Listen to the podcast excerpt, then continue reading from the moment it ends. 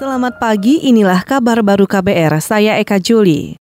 Para investor menaruh perhatian besar terhadap perkembangan politik di Indonesia jelang pemilu 17 April 2019. Panel ahli kata data Insight Center Wahyu Prasetyawan mengatakan, hasil survei menyebut investor tetap yakin kondisi politik di Indonesia akan lebih stabil setelah pemilu, meski ada kekhawatiran investor terkait perkembangan politik nasional dan resikonya terhadap investasi. Itu memang concernnya menaik, tapi kenapa naik nih kan? Karena memang eventnya udah semakin dekat. Gitu. Tapi kalau kita lihat apakah politiknya stabil apa enggak kan sebagian besar menjawab stabil hampir 60-an lebih eh, 160-an sekian persen kan. Poin itu yang uh, mengatakan stabil dan hanya sedikit yang mengatakan tidak stabil. Peneliti dari Kata Data Wahyu Prasetyawan menambahkan, mayoritas investor juga tidak khawatir tentang kemungkinan perubahan kebijakan yang drastis usai pemilu nanti. Wahyu berharap tidak ada hal negatif yang terjadi sebelum dan sesudah pemilu agar tidak mengganggu iklim investasi di Indonesia. Saudara Panitia Pengawas Pemilu atau Panwaslu Kuala Lumpur, Malaysia telah melaporkan dugaan surat suara pemilu tercoblos ke kepolisian setempat dan Badan Pengawas Pemilu Pusat. Ketua Panwaslu Kuala Lumpur, Yaza Az-Zahara menyatakan telah menandatang maksud kami telah mendatangi lokasi peristiwa tersebut dan menemukan tumpukan surat suara pos milik panitia pemilihan luar negeri Kuala Lumpur.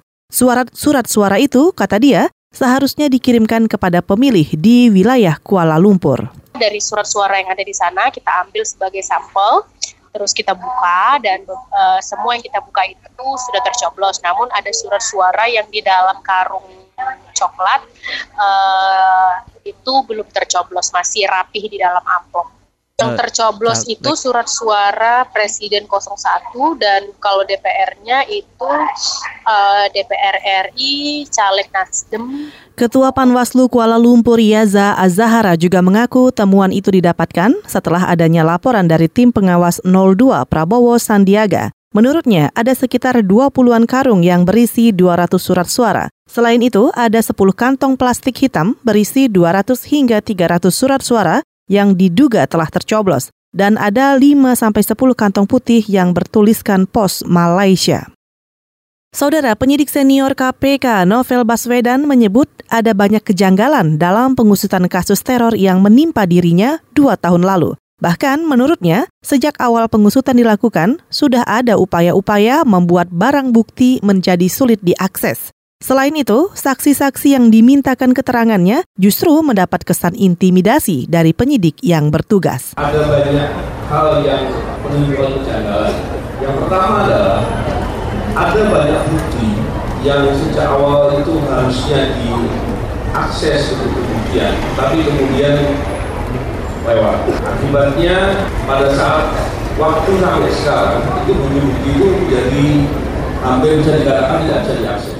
Penyidik senior KPK Novel Baswedan menambahkan, lambannya penanganan teror terhadap dirinya membuat pengungkapan kasus ini makin rumit.